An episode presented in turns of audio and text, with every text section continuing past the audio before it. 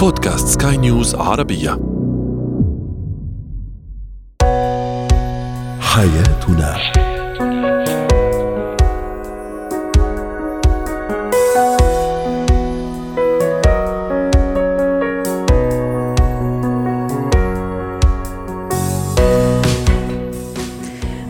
الكرام أهلا بكم معنا إلى حياتنا فضاؤكم اليومي الذي يعنى بشؤون الأسرة وباقي الشؤون الحياتية الأخرى والذي يمكنكم الاستماع إليه عبر منصة سكاي نيوز عربية dot com slash podcast وباقي منصات سكاي نيوز عربيا أخرى شاركونا عبر رقم الواتساب 00971 561 886223 معي أنا آمال شاب. اليوم نتحدث عن آه، بعض الأزواج أو عندما يستغل بعض الأزواج زوجاتهم ماديا. كيف نتعامل مع هذا النوع من الأزواج؟ أيضا عدوى المجاري البولية والمسالك البولية عند الأطفال ما هي أهم هذه آه، الأمراض؟ كيف يجب علينا كآباء وأمهات الانتباه لها؟ ثم آه، طريقة العلاج. وأخيرا اتيكيت التحدث باللغات الأجنبية.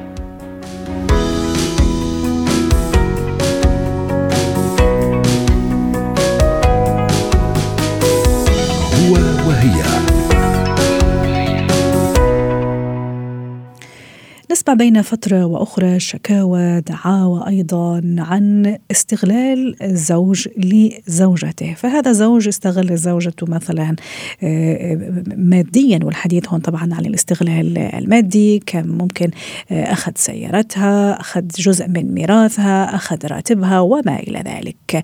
كيف نتعامل مع الزوج الذي يستغل هذه الزوجة ماديا؟ للحديث عن هذا الموضوع رحبوا معي بدكتور هاني الغامدي المحلل النفسي النفسي والمتخصص في القضايا الأسرية والاجتماعية. ضيفنا من جدة يسعد أوقاتك دكتور هاني. أهلا وسهلا فيك. اليوم نتحدث عن هذا الاستغلال المادي. شو هي أشكال الاستغلال المادي اللي ممكن يلجأ لها بعض الأزواج لاستغلال زوجاتهم ماديا أو التغول بين قوسين على الزوجة من الجانب المادي.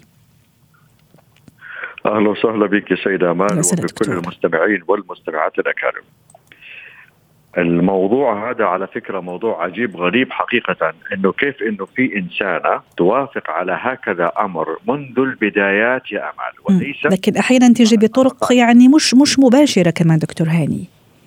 معليش الإنسان عنده عقل بارك الله فيك ويعرف ويستشعر هذا الأمر. شوفي يا أختي إذا كان الأمر بحب مشاركة فلا بأس ما عندنا مشكلة. أنا راتبي مثلا معين هي عندها دخل معين تساعدني وأساعدها بحب دون ما يكون هناك فرض إجبار على هذا الأمر فما عندنا إحنا مشكلة. لكن إنه من البدايات يقايضها مقايضة في بعض الأمور الحياتية ومنها أيضا للأسف إنه وصلنا حتى في الحقوق الشرعية بمقايضة. فأعتقد إنه إحنا ذهبنا إلى أمر بعيد جدا في إنه يتم هذا الاستغلال بهذه الطريقة القبيحة جدا حقيقه لو لو جاز التعبير بين قوسين بإنه يقايضها بأمر في مقابل مال. ناهيك أن هناك بعض الأشخاص بكل أسف هو يطلب بطاقة الصراف تكون معاه وهذا موجود في كثير من الدول بكل أسف العربية عندنا إنه المرأة تكون مرأة عاملة ويقول لها معليش أنا الماستر أنا الشخص اللي يدير الوضع المادي في البيت فيأخذ بطاقة الصراف برغم إنه هي عاملة عندها راتب نهاية الشهر. ويقول لها عشان أوفر لك. وفجأة يا أمال يا كثر ما سمعنا بأن هناك بعض الأشخاص سحب ذلك المبلغ وراح إما تزوج به واحدة ثانية وإما إنه هو في الآخر كان واضح إنه سحب الأموال بدون آه وجه حق ويقول لك في الآخر والله أنت وما انت وما تمتلكين حق لي. أو أحيانا كمان إجبارها على أنه تقترض من البنك أيضا دكتور هاني وفي النهاية نعم. استغلالها نعم. آه ماديا. إذا جينا يا أختي عن جزئية الاقتراض من البنك م. فأنا هنا أؤيد أمر معين لو إنه آه، جاز لنا إنه أنا حدث فيه وهو عملية بناء بيت أي. ولكن في نقطة مهمة جدا جدا في هذا الأمر وهو أن بناء البيت طالما أنت أو أنت أخذت مال من هذه الإنسانة فإما وهذا بالشرع في الدين وفي في كل التشريعات اللي موجودة إنه تكاتبوا نتكاتب كم ليكي وكم لي أو إنها تدخل شريكه في هذا البيت والقانون والنظام والشرع أيضا يعطيها الحق فيما يعرف بالصك المشاع اسمه صك مشاع يعني أنا وأنت شركاء في هذا البيت حسب المبلغ اللي أنت دفعتيه. لكن أحيانا كمان الواحد يقول لك أنا ماني داخل كمان ماني داخل معركة وماني داخل حرب في النهاية هي شريكة عمري وهو شريك عمري. وأكيد ما راح نخون بعض يعني البعض يقول هيك. آه، لكن كمان شفنا وسمعنا على قضايا كثيرة وشكاوى كثيرة ودعاوى كثيرة في المحاكم. آه، كان سببها استغلال بعض الأزواج. دكتور هاني في تفسير سلوكي لهذا الموضوع أو نفسي لهالموضوع لماذا يستغل الزوج الزوجة من من الجانب المادي؟ في شيء ممكن نضوي عليه اليوم نفسيا وسلوكيا؟ شوفي يا أختي بالنسبة لموضوع الاستغلال إما يكون بنية موصفة داخل القلب أنا أبغى أستغل هذا الشخص أستفيد منه سواء ماليا أو أمور أخرى أو إنه يكون الأمر بالنسبة لي أنا بداية ما كان استغلال إنما كان من باب إنه أنت زوجة وأنا مشارك وأنت تشاركي معي ونمشي في الحياة وتمشي السفينة بمساعدتنا لبعضنا البعض ثم تنقلب الأمور إمتى؟ لما يحصل مصادمة في موضوع كفشتني وأنا بكلم واحدة كفشتني وأنا عايز أتزوج أو إنه أنا بعد فترة من الزمن بعد طول عمر والله فكرت إنه حتى العلاقة الحميمة اللي بيننا شبه متوقفة أو في مشاكل قائمة في هذا البيت. هنا يبدأ الإنسان لا اراديا عقله وصدره يبدأ يفكر what's in for me أنا واصل فين مع هذا الشريك؟ وبالتالي يبدأ يطالب بحقوقه والشريك بالتالي بكل بساطة حيقول والله أنت دفعتي بحب أو على قولتهم آه، تروح تدق راسها في أكبر جدار بلا مؤاخذة من إنه في الآخر مالك حاجة عندي. وممكن يصل الأمر على فكرة في القضايا اللي بتجيني أنا لو مما هو عليه الأمر في مقدرتي وأنا ما أبغى أعطيها ممكن يجوني على فكرة في في المكتب عندي ويقول لك والله أنا أبغى أطلقها. يصل به إلى هذا يبغى يتخلص من كل ال package يتخلص من كل الملف.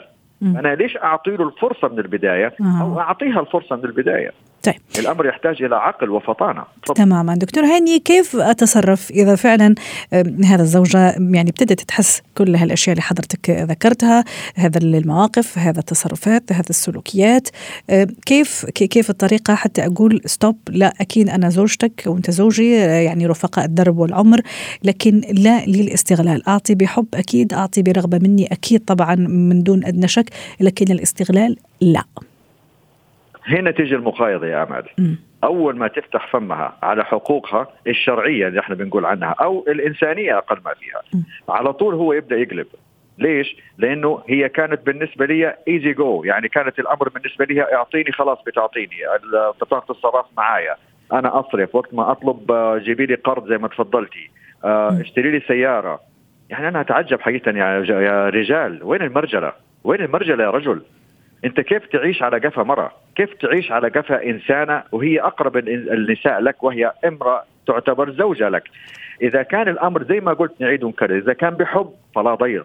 لكن إذا كان قدمتي أنت بحب فلا تطالبي بعدين وقت ما يحصل أي موقف أه. عشان تقولي رجع لي فلوسي ورجع لي حقوقي.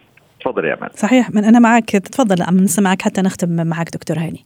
تمام. فبالتالي إذا كان الأمر قدم بحب وخلاص راح في على قولتهم وملفات وانتهت. شكرا قدمت ما عليك في ذلك الزمن مع هذا الرجل صاحب المروءة. تغيرت الدنيا أرجوك لا تطالبي بحقوقك لأنه أبسط ما فيها ما فيها مكاتبة. يعني نركز حلقتنا اليوم جدا على موضوع المكاتبة. تعطي له 5000 تعطي له 10 تعطي له أقل أكثر. تكاتبوا وما فيها ضير ما فيها زعل ولو مد بوزه فهو ما عنده مروءة. خليني أقول لك إياها من الآن يا كل من تسمعنا من النساء. إذا هذا الرجل مد بوزه وزعل عليك قال لك كيف تكاتبيني؟ هذا ما عندوش مروءة لأنه أنا بالنسبة لي لما آخذ خمسة ريال من أي شخص يجب إني اتكاتف فما بالك بزوجة؟ حتى لو كان بيننا حب وبيننا حياة وبيننا سفينة بنقودها مع بعض لكن هذه أمور شرعية وفيها حقوق إنسانية.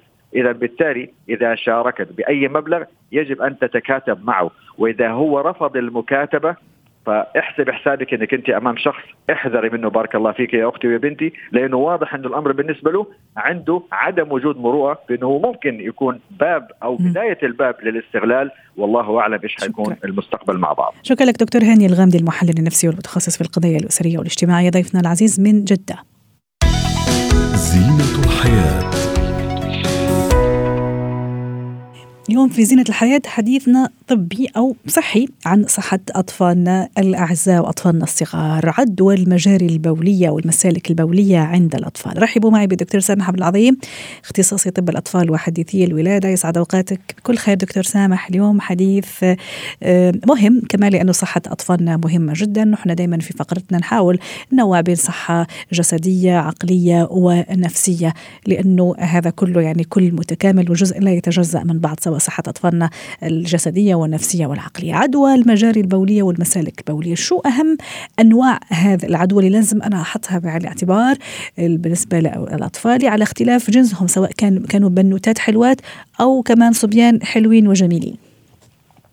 أهلا وسهلا بك يا مال واهلا بالساده المستمعين. وبداية طبعا كل التهنئه لشعب الإمارات ودولة الإمارات وحكومه في يوم العالم النهارده إن شاء الله. آه، دايما بتختاري مواضيع آه، آه، مهمة جدا أمال كالعادة الله يخليك عدوى المسالك البولية هي عدوى منتشرة بين الأطفال وعدوى متكررة واحيانا الحقيقة إن بعض الأهالي ما بينتبهوش ليها صح. لأنها خفية أو أعراضها. قد لا تكون ظاهرة أو واضحة ليهم بالذات إذا كان عمر الطفل صغير أو ما يقدرش يعبر عن نفسه أو يوضح إذا كان في حرقان أو ألم في البول أو الكلام ده كله. رائع.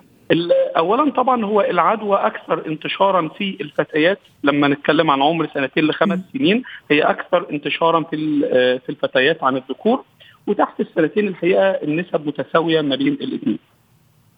آه، العدوى نتكلم عن أسبابها وعن أعراضها وعن علاجها أو الوقاية. منها. بس خليني فقط أفتح قوس كمان حتى نوضح طبعا أكيد من ناحية آه، علمية لماذا منتشرة أكثر عند الفتيات أكثر من من البنات طبيعتها يعني هي كبنت؟ لسببين الحقيقة لسببين. هو اولا سهولة دخول العدوى لأن الأعضاء التناسلية عند البنت أسهل في دخول العدوى من الذكر. وثانيا لأن العمر ده هو عمر النظافة أو عمر إنك تشيل فيه الحفاظ أو الكلام ده وبتبتدي البنت تعتمد على نفسها في تنظيف نفسها فبيكون الوضع بالنسبة لها أصعب فبيكون في سهولة في دخول الميكروب عن طريق الأعضاء التناسلية للبنت. أشكرك لأنك وضحت لنا هذا النقطة. المهمة اللي بن بنأكد عليها على الأمهات إزاي تعلم بنتها تنظفها وده يمكن الكلام اللي هنقوله في الوقاية من العدوى دي.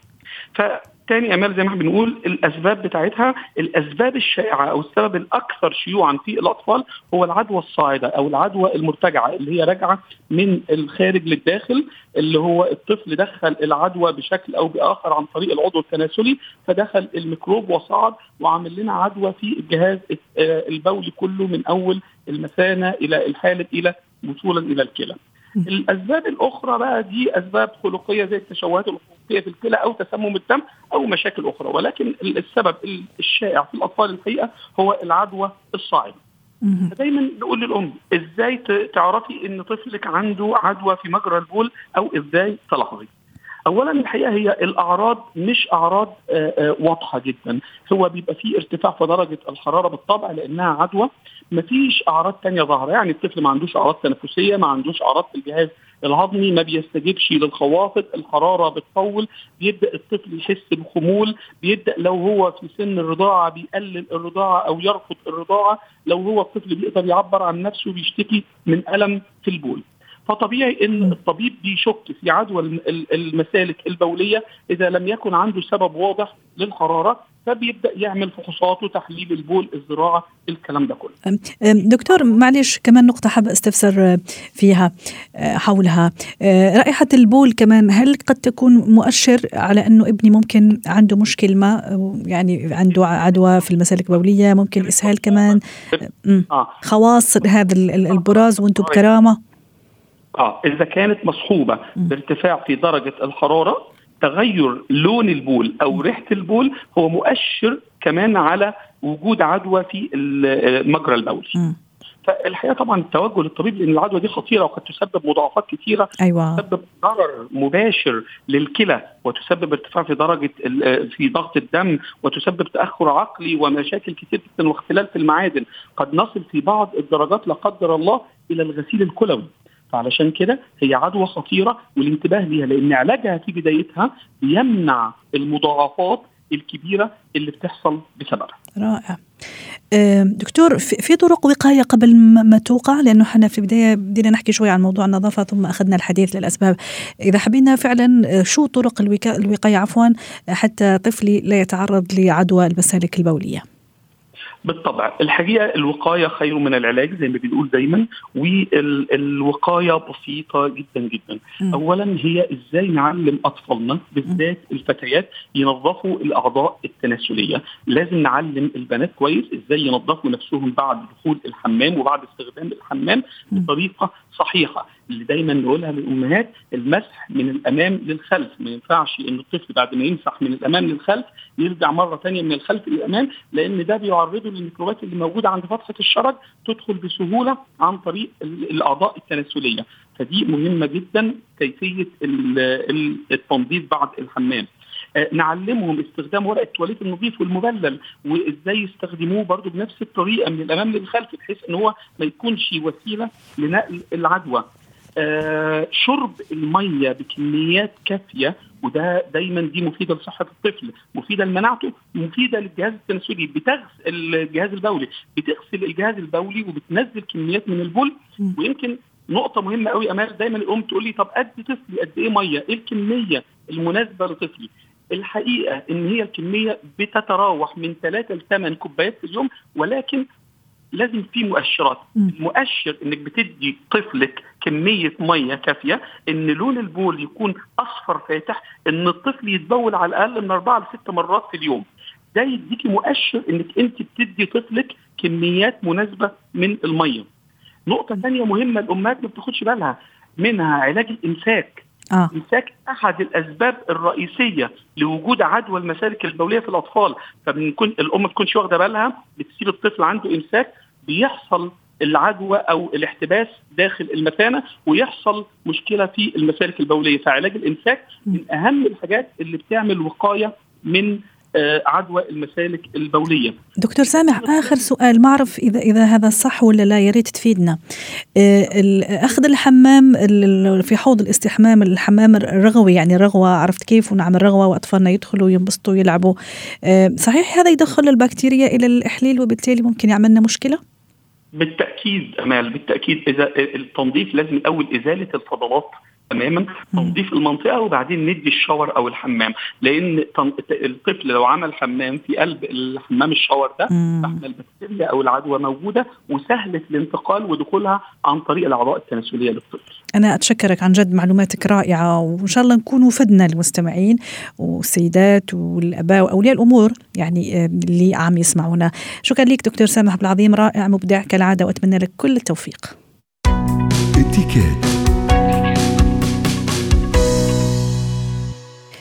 اتيكات التحدث باللغات الأجنبية وشيء رائع وجميل أنه نتكلم أكثر من من لغة. هذا الشيء يفتح لنا آفاق واسعة يخلينا نتعرف على ناس من دول مختلفة وثقافات مختلفة أيضا.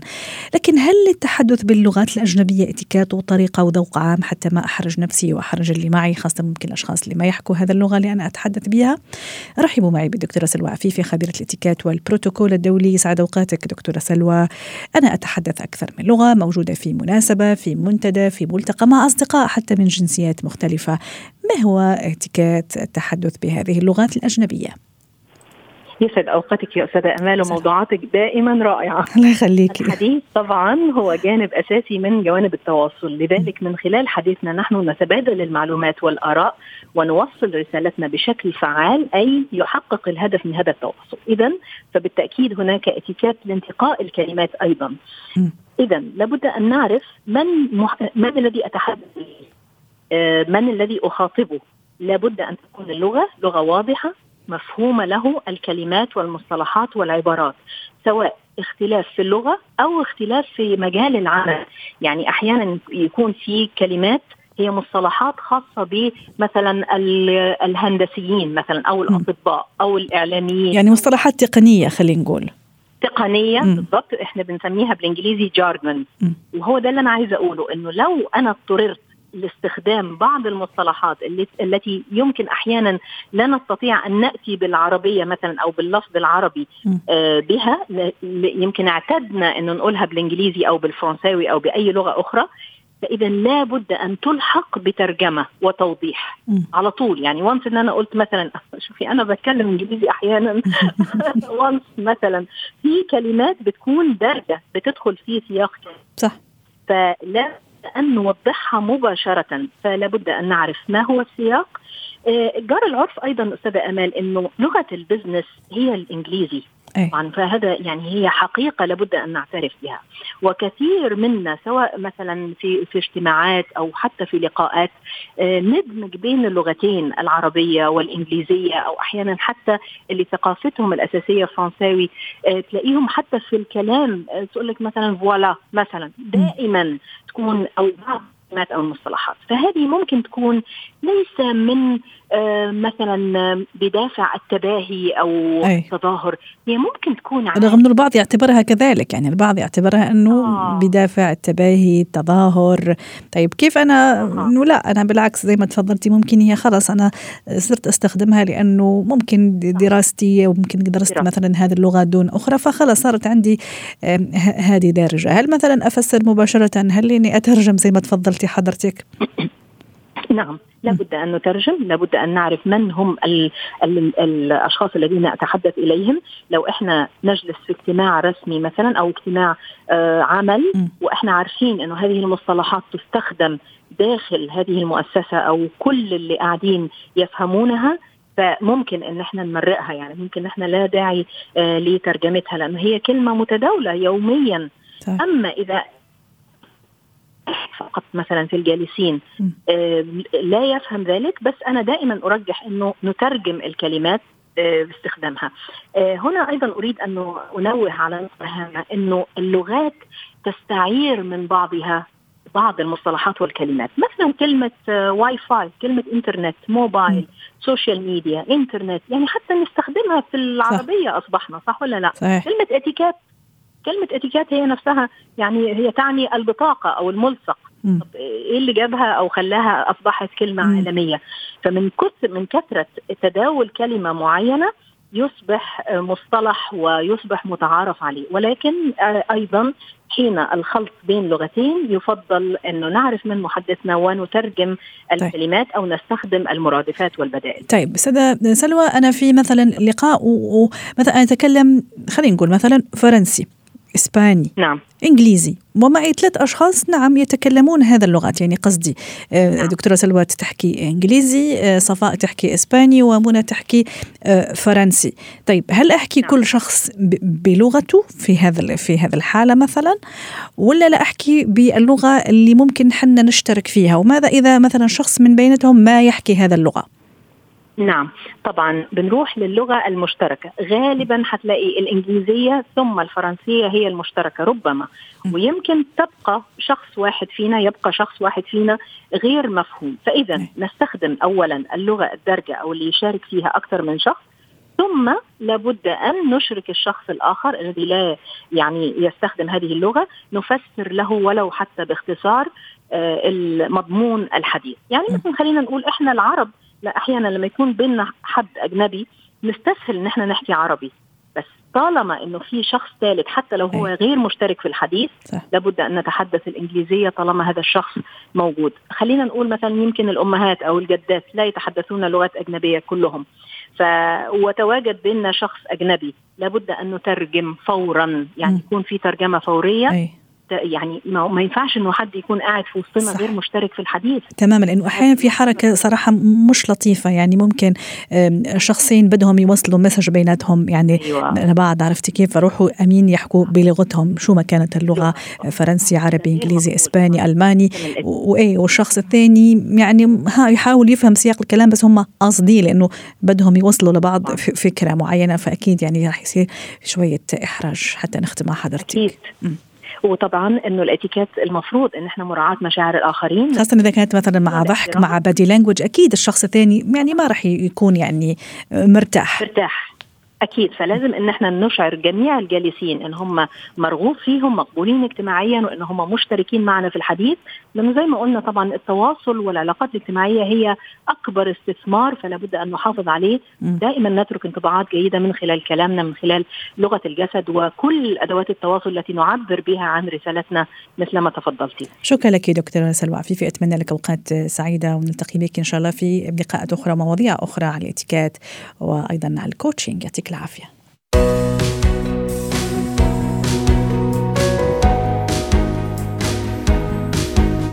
ختم حلقة اليوم من حياتنا. شكرا لكم وإلى اللقاء.